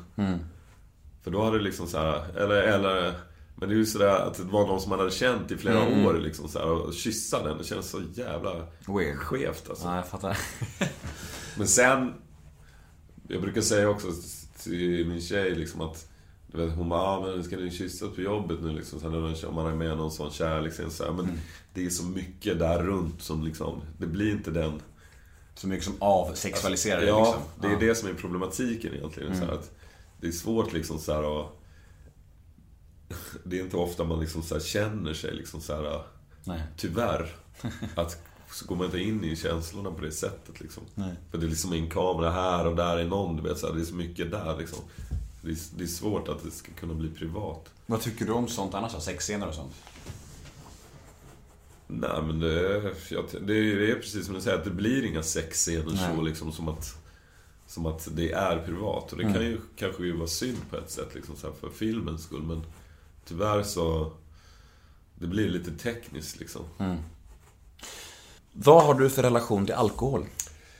Uh, ja, man dricker ju mycket eh, efter... Nej men det är väl något som man... Uh, speciellt för några år sedan så liksom... Liksom att man uh, spelar en teater och så hänger alla på det där Frippes efteråt och så ska man ta bärs och... Man säger det liksom, om man bor, jobbar på Dramaten och bor i Vasastan, då ska man ju gå igenom ett Ibiza liksom. Går hem. Så man får ju vara disciplinerad där, liksom att det inte... Det blir, kan ju lätt bli att man dricker bärs varje kväll annars. Så att det... Är du det då? Det är disciplinerad? Ja, det är jag. Och sen har jag ju också, jag har ju, som du säger, jag har familj och, och, och, och barn där hemma som, eh, som också disciplinerar mig. Eh, så att, så att, men det är klart, jag tror, och det tror jag inte, men men det är ju något som man får tänka på hela tiden liksom. Att hur många kvällar i, veckan dricker du bärs egentligen? Liksom, så här.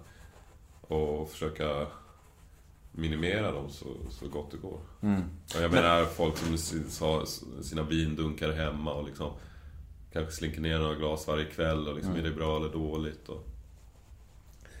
Men... Eh, Men det är också det här yrket tänker jag, att det är ganska accepterat för de här Ja. skådisgubbarna. Nu säger jag att du är gubbe, men det är, någon, det är någonting med de här. Jag har tänkt på det när jag har intervjuat dem nämligen. Ja, ja. Många av de här skådisgubbarna, att de är lite, när de, när de pratar om drickande så är det lite så att de, lite alkis, alltså tendenser och så här, men det är ändå okej. För att de är skådisgubbar och det är deras, Jo. deras Nej men jag håller med. Det finns en, en, en så här accepterande romantik i det där Mm. liksom att Ja, det är ett humanistiskt yrke. Man sitter och dricka öl eh, och diskutera och liksom... eh, Kanske inte alltid liksom, det finns nog inga sådana här eh, utvecklade tankar kring det. Men det bara ingår liksom, kanske Mm. i kulturen liksom. Kanske precis som det gör för eh, vissa andra kulturer, kanske tidningsfolk eller du vet så här, någon slags eh, romantisk, så här, lite eh, konstnärs, liksom att det skulle väl liksom ingå på något sätt.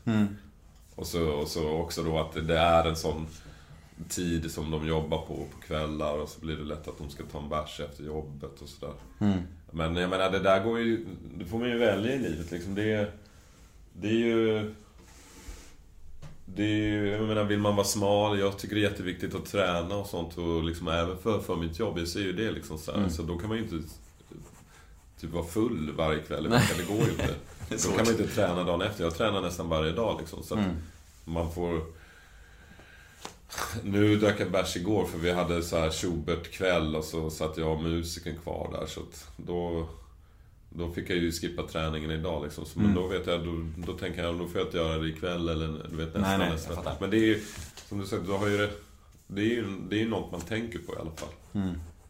Eh, helt klart. droger. Droger, ja men jag har provat droger men det är inget, där känner jag mig ganska... Så om jag säger med alkohol att, jag, att, att man tänker så här att... För det, där tror jag att det finns en fara för mig att liksom så här att... Precis som för många andra att man liksom normaliserar någonting. Liksom så här, ja men det där gäller inte mig. Vet, så här. Men droger har jag provat, men det, det förekommer liksom inte i min bekantskap. Jag tror att det är farligt för... Jag tror det finns många skådespelare som håller på med kokain och hasch och du vet det där. Och att, eller jag vet. Eller inte, inte jättemånga, men jag, men jag tror att det handlar mycket om... Det är en viss...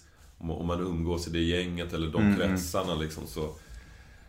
Så, eh, så, så, så är man mer i riskzonen liksom. Jag... eh, Vad ska jag säga? Sen känner jag mig... Jag, någonstans tror jag att jag... Jag har liksom mina rötter i någon slags sådär lundensisk eh, liksom, normalitet. Liksom ändå att man identifierar sig som... Jag identifierar mig som liksom ändå någon slags normal person. Jag ser inte mig själv som den här konstnärskonstnären liksom. Som, Så där, då har man liksom några spärrar liksom. Mot liksom så att jag skulle tycka det var för konstigt i mitt liv liksom om jag liksom vaknade upp någonstans och var barfota. Alltså det, Mm, jag fattar vad du, jag tror jag fattar vad du Ja, menar. men liksom, man, man liksom bara, hur ska jag se? Ska jag ringa till min morsa sen och liksom så här, Alltså jag är för vanlig liksom. På ett plan liksom. Samtidigt som, ja, det är klart. eh, det kanske är så kanske Head over to Hulu this March, where our new shows and movies will keep you streaming all month long. Catch the award winning movie Poor Things, starring Emma Stone, Mark Ruffalo, and Willem Dafoe. Check out the new documentary, Freaknik The Wildest Party Never Told, about the iconic Atlanta Street Party. And don't miss FX's Shogun, a reimagining of the epic tale, starring Anna Sawai. So, what are you waiting for? Go stream something new on Hulu. Alla känner sig. Sen så vaknar de ändå upp barfota. Ja, jo men kanske. Nej men jag, jag vet inte, jag känner mig inte stressad. Eller liksom, jag känner mig inte så... eh, Jag har inte gått in i det där så. Vi har provat som jag sagt men det är liksom, jag har inte tagit någon sån diskussion med mig själv liksom, Så att fan du håller på att bli någon knarkare liksom. Nej. Jag, jag, det har liksom inte behövts. Nej, jag fattar. Vad har du för relation till döden? Nej men den, eh, jag tror faktiskt att man eh, skjuter det där ifrån sig. Så det, det, är, en- det är så obehagligt att tänka på. Så det är något som man väljer att inte tänka på. Alltså man jobbar med, eller jag jobbar med, vad heter det? Förnekelse liksom. Det tror jag alla gör egentligen. För att om man, om man börjar tänka på att man ska dö för ofta och gå in i det och vad är det liksom? Det är så ofattbart och svårt så att liksom, Jag tror inte man kan, eller jag, jag tror inte många gör det på riktigt. Och, och nu kommer man i den åldern, nu är det många liksom så här, jag hade min bästa kompis Basha eh, här på teatern, som var en lite äldre kollega då till mig, som dog för ett år sedan. Och det var liksom... på något sätt, det var nästan första gången som jag liksom verkligen har känt så här att... Eh, det var inte att jag blev ledsen så här, att, jag liksom, att det gjorde ont i bröstet. Eller att det liksom känns plågsamt så, men min känsla där är liksom, det är något som att det fattas någonting. Mm. Alltså det är mera, men det gör inte ont. Men det känns bara så här, vad fan. Det är som att... För hon representerade något i mitt liv liksom. När hon var här när jag flyttade till Stockholm. Liksom, det var liksom... Någon liksom... Alltså hon, hon, hon kändes lite internationell liksom. Hon klädde sig liksom lite med sköna hattar och mm. så vi satt på ett fik ofta typ och sådär. Så nu liksom, och det var liksom, för mig var det den stora världen på något sätt. Liksom så här, ja just man kan bo i en stor stad och så har man lite så här äldre kompisar som är liksom lite som...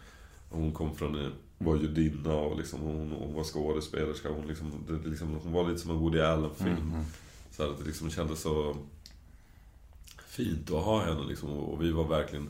Vi pratade om allting och, och vi var lite, lite så här, Hon kallade mig för flanören, du vet, så här, för att jag liksom kunde gå omkring. Vi gick omkring där i Vasaparken och typ så här, levde livet liksom. Alltså att vi...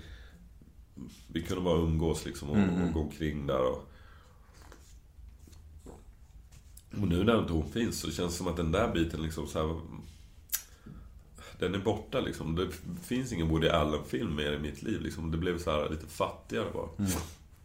Det finns ingen liksom annan skådespelare här på, på teatern som är det där liksom. Utan då är det med någon som har vindjacka med liksom. Mm. ja. Tråkigt svensk. Ja, Var är Basha liksom så här. Vad är hennes liksom?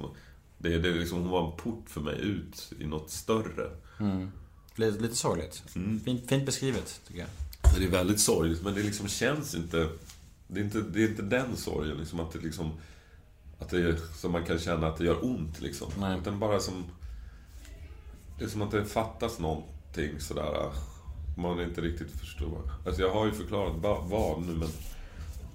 Mm. Märklig känsla egentligen. Eller det är ingen känsla, utan det är bara... Ja. Ja, det är nog något med... Men sen är också, jag menar när man, man tänker på att ens föräldrar ska... Nu har elever då, mjukta i trä. Och det är jättebra, men... Ja. Det, där, det kommer ju också bli mentala resor mm. såklart när de... Och sen kommer man själv och då... Jag, vet inte hur man... Jag tänker bara så att fan... Att jag liksom... Att man ska ligga... Och jag är väldigt sådär att jag tänker mycket och liksom... Och, kan fastna i tankar och liksom att man skulle ligga och tänka så att nu har jag bara ett halvår kvar kanske liksom. Fan, jag tror inte, fan... Vad man Hur gör man? Vad gör man då? Liksom? Ja, jättekonstigt. Det var ju jobbigt sen. Vad ska jag koka kaffe då? Liksom, det är lika bra att ligga still. Ja, nej men det där är, det är helt sjukt. Den där tanken på att, att få ett sånt besked. Att du har, nu har du två veckor kvar att leva. Ja, men även, även liksom så här, Jag kan till och med känna nu, fast jag kanske, om jag har tur, jag har halva livet kvar. Så mm. kan jag känna liksom jag kan inte förhålla mig liksom till att det bara... För jag tycker allt man gör, gör man för som läge. Men sen ska det bli bra och du vet så här, man ska mm. bygga upp någonting som ska finnas. Det är så här, man, man liksom gör saker för att någonting mm, ja, ska... Man siktar med något. Och om man inte har liksom, om man tänker att det bara ska sluta liksom ganska snart. Mm. Då liksom, hur, hur liksom... Men jag tror, jag tänker mig att det liksom på något sätt... Lösningen är att man liksom kanske kommer ur... Alltså man bara liksom man lär sig kanske leva mer i nuet och bara inte... Alltså att man... Man blir duktigare. Alltså man kanske på ett sätt slutar att vara så ambitiös liksom. Man tänker sig, okej okay, nu har jag det här och nu är det så här liksom. Och då... Nu, nu, så som vi har lärt oss leva nu så är det hela tiden som att man ska ha mer och bättre av allting. Vet? Mm. Större lägenhet, ja, ja. bättre, fler barn, mer det. Och vet, så här, allting är till för något mer. Mm. Och det kanske är det som är liksom och bara acceptera liksom. Så, ja, men jag blev halvbra skådespelare, men det får vara okej okay, liksom. Jag behöver inte komma till Hollywood. Som alla andra. Har du drömt, har du drömt om det? uh, ja, men alltså vi... Jag har ju en agent här i Sverige och man gör, jag gör provfilmningar som alla andra typ. Mm. Sådana self-tapes som man mm. skickar iväg. Så att det ingår väl i... Jag vet inte, drömmen Eh, man försöker, jag tycker också liksom, har man kommit så här långt liksom, om man får möjligheter att liksom ändå testa, så mm. får man väl göra det liksom. Mm. Eh, det har inte gått sådär jättebra hittills, för jag har inte fått någon roll, men... Hörru, hoppa det sista som överger oss. Ja, exakt. Nej, jag har inte gett upp så sett, men... Eh, Men det finns ju andra drömmar också så här, som man kanske kan påverka bättre. Jag skriver egna manus, försöker rada ihop egna filmprojekt. Och... Du verkar ha skitmånga strängar på din lyra, om man säger. Ja, några. Du, eh, jag tänkte på en sak. Det här med eh, när man pratar om lite deppigare saker. Ångest. När mår du som sämst? Vad får du ångest av? Alltså det värsta som finns, det är när man ska ha premiär på någon teaterpjäs. Det tycker jag är riktigt jobbigt. Men det är liksom, jag vet inte om det är, det finns kanske två ångestar. Det är den, det är mer panikångest nästan. För att då, då är det liksom den dagen du ska ha premiär. Alltså du har, tänk dig själv att du har en spik i magen liksom som trycker utåt. Och du blir inte av med den. Och det finns ingenting du kan göra, ingenting är roligt, ingenting är, du vet såhär du kan inte äta frukost, du kan inte liksom så här, Du vill bara att tiden ska gå för att du ska få börja med det där som plågar. Alltså du vill ju bli av med det. Och du vill bara leverera. Du skulle gärna spela pjäsen direkt liksom. Och den känslan är så fruktansvärt irriterande. För den går liksom inte att... Gör någonting åt Nej. Nej. Du kan liksom inte supa dig full, du kan inte liksom... Det, det går inte. Du, du kan inte göra någonting. Du vill bara vara i en psykisk smärta en hel dag. Det Lå- Låter lite ofett. Ja, det är jävligt ofett. Och då tänker jag, jag jobbar liksom lite med att jag tänker, ja det här är sista gången. Nu liksom, och jag skiter i faktiskt hur det går ikväll också. För att eh, det är ändå sista gången och jag bryr mig inte och jag liksom så här, Ska jag göra något sånt här, typ åt det här hållet. Du vet, sådana. Och jag liksom, jag, jag jobbar liksom med negativa tankar. För att liksom ta ner det. fattar. Men känslan efter måste vara maxad då alltså. Ja, det, det, så är det ju. Det är liksom, Tvärtom. Ja, som tvärtom. Och det är lite läskigt. Ja. Då minns man igen varför man gör det liksom. Ja, och att man liksom... Hur, hur man luras. Alltså du vet, att då glömmer man det där jobbiga. Mm, jag fattar. När grät du sist? Grät. Jag gråter inte. Jag är Torkel Pettersson. Nej. Nej, Jag vet inte. Jag, jag, det, var, det var fan skitlänge sen. Uh, Grät du inte när din kollega dog? Nej, det var det jag sa liksom. Jag hade inte den typen. Alltså, det var mycket större för något. Mm, jag fattar. Mm. Så det var liksom, vadå gråta liksom? Gråter du till film och sånt? Ja, det är mer, jag har mer den typen av sorg. Liksom att jag har det stora sentimentala stråk av känslor. Liksom, som, av livets meningslöshet och liksom så här.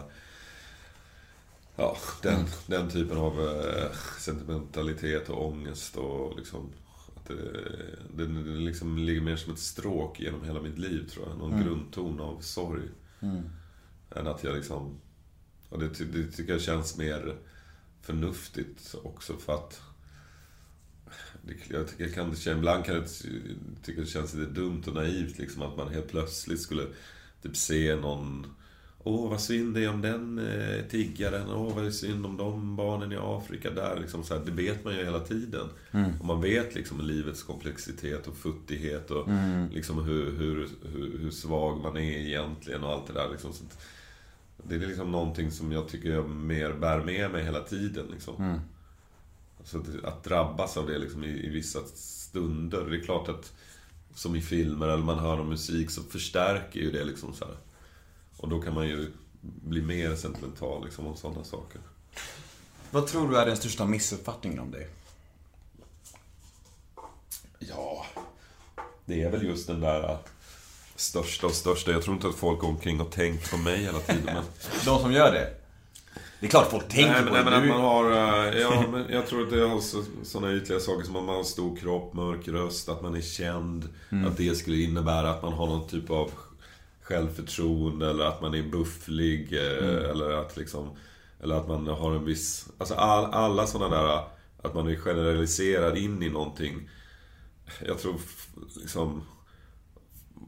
Folk är, det var lite det när vi talade om i början, liksom, att man ska liksom bryta mönster och bryta normbeteende. Det här att folk, ja men lyssnar du på klassisk musik? Du, du, ser, du var ju med i Jalla Jalla, det är väl en... Alltså då har de kopplat ihop det med någon...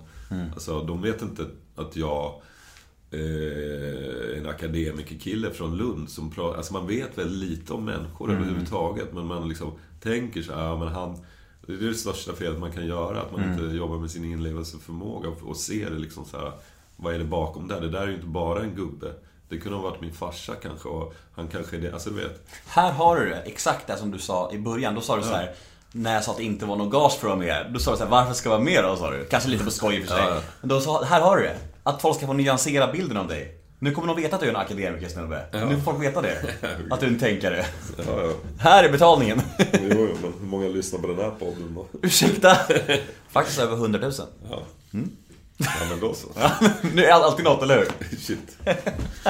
Du, jag har ett segment i min podd som heter ett ord Vad om. heter den? Vad sa du? Vad heter podden? Nemo möter en vän. Mm, du får lyssna in den. Jag tror, Som till exempel Nemo. Jag trodde ju att, eh, Jag tänkte att du såg Jag tänkte mig att det var någon italienare eller invandrarkille sådär.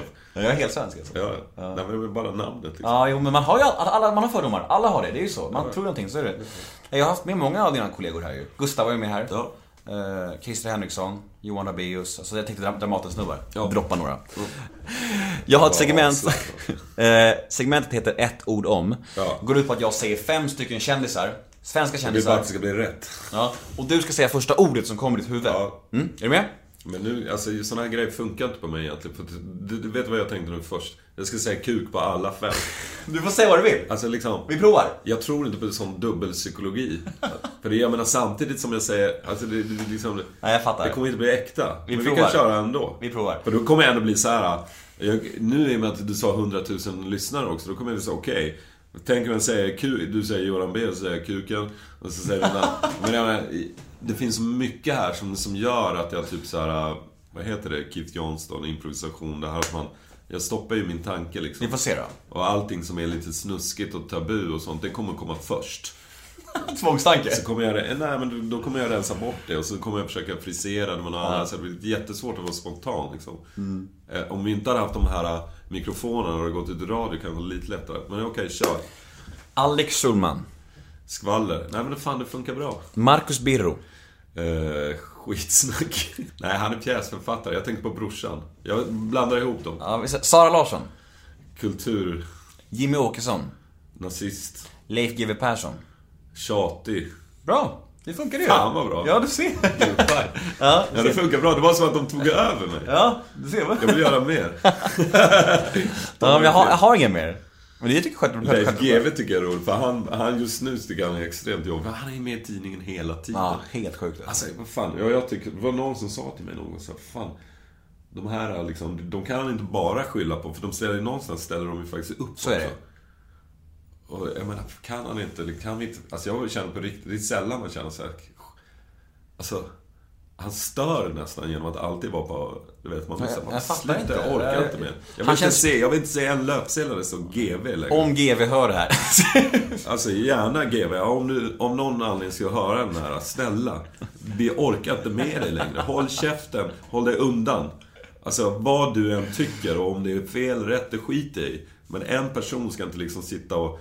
Alltså det blir så jävla dumt. Ja, men det håller jag med om. Fan, vi måste ha lite mer tanke med vår existens. Vad är, din, vad är din relation till offentligheten då, annars då? Alltså, tycker du om att vara lite kändis? Eller hur, hur ställer du dig till det här liksom, livet? Eh, jo, det tror jag alla...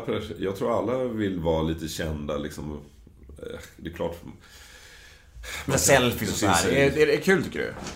Alltså det är ju kärlek så här. För det första, om du har gjort någonting som... Jag, jag jobbar ändå med konst och det är liksom, jag kan ju någonstans stå för det jag har gjort. Eh, Jag har inte ställt upp på massa saker som jag tycker är dåliga. Ibland har det blivit misslyckat såklart, men jag är stolt över mina verk. Så därför när jag får kärlek och uppmärksamhet så är det bara bra. Alltså då, det är ju något jag kan vara glad över. Och jag tror inte, alltså, det- och det är ändå i en sån mild omfattning att det liksom, det är bara lite så här mysig uppskattning och bekräftelse. Det är liksom inte som att det stör. Jag tror det är skillnad om du är typ Zlatan eller Ingmar Sten, alltså de där riktiga superkändisarna. För min del är det ju mer liksom så att vara liksom små bär av kärleksexplosioner liksom som kommer någon gång Ryggdumt typ. om dagen. Liksom. Vem kan säga att det skulle vara jobbigt? Ja, det är det, är ju bara kverulans liksom. Ja. Det är ju det är liksom... Jag kan snarare tänka så här, fan...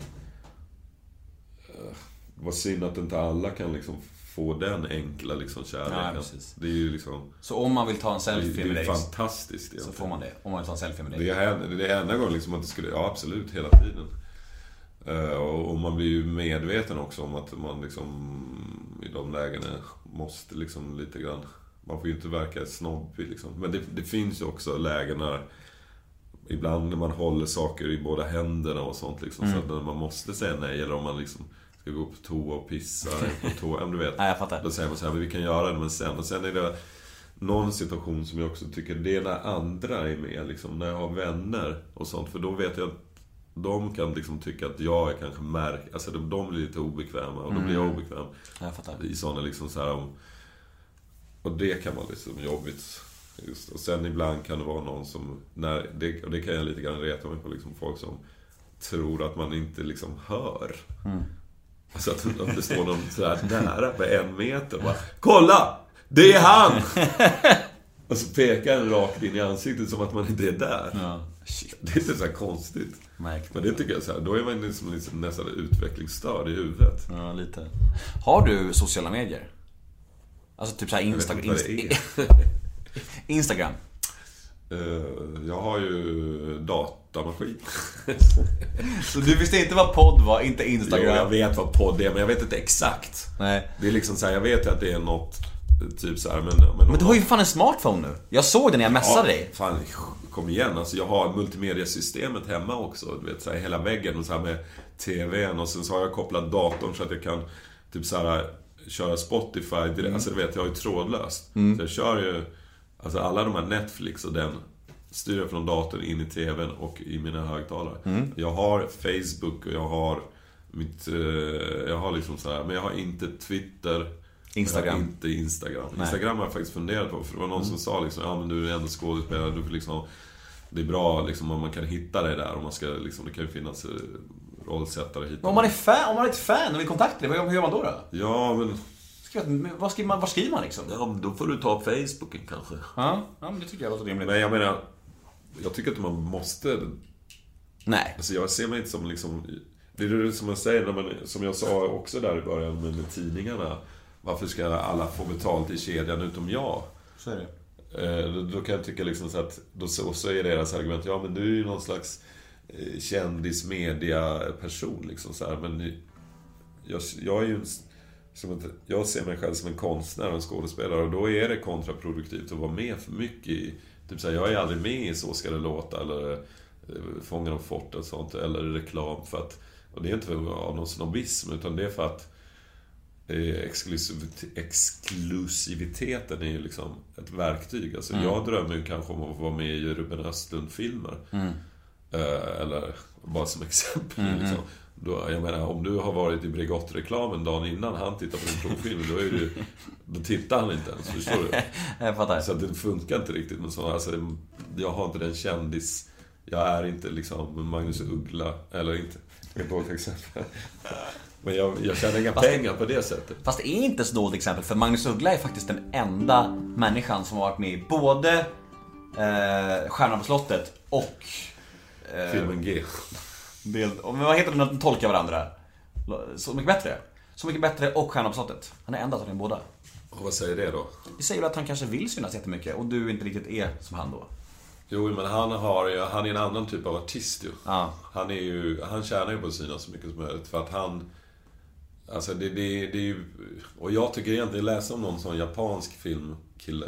Han, han, men han var så stor också så att han hade redan breakat till den typ så här eh, seriösa, ångest, ängsliga. Alltså, Ja, ja, jag skulle önska att de här braiga regissörerna var mindre ängsliga i sitt förhållande till... Alltså det är ett av de största felen som jag tycker. Mm. Alltså, och det har att göra med det här att jag tycker att man ska ta på sig rätt glasögon. När man, Mm. De tycker så här, ja men bara för att det är en komedi då är inte det bra, de fuckar in och de, de, de, de missar så mycket. De missar så mycket kvalitet också. Plus att deras... Och samma sak är det med populär... Alltså de populär, populärkulturella människorna som tittar in i finkulturen och Mm. liksom inte kan ta del av den för de liksom tycker att ja, men det, det är för, vi förstår inte. Så de missar ju mycket de också. Men eh, den här japanska skådespelaren, han eh, var ju med både i reklam och så tunga liksom, eh, dramer. Han blandade hej vilt liksom. Och så hade jag gärna sett att det, att det var här liksom. Men, men, men Sverige är så litet land och det är så pass ängsligt så att eh, om du liksom du bränner dig själv. Och det där är, är det annorlunda för mig och, eh, mot Uggla då liksom. För att han har ju som, han är inte utsatt för Alltså du vet, för det första kommer han aldrig skriva någon kanske symfoni som ska in på Konserthuset men... Säg inte det. nej, men, och, och de har inte den... eh, De fördomarna kanske. Eller är de kanske, men jag tror du fattar vad jag menar. Jag fattar. Du, jag tycker vi signar ut med de orden. Vi är Ja. Perfekt. Ja, fan, jag, tack för att du eh, tog dig tid att vara med. Men de här långa svaren liksom så här, hur... Alltså för min del så jag tycker, jag tycker bara det är mysigt att det, att det är långt. Jag tycker det är härligt. Ja. Eh, jag heter Nemo Hedén på Twitter och Instagram. Hashtaggen är neomöter. In och gilla oss på Facebook, Nemo möter en vän. Säg stort tack till Torsten Flink. Torkel Pettersson. Torkel Pettersson med gitarren. Just det. En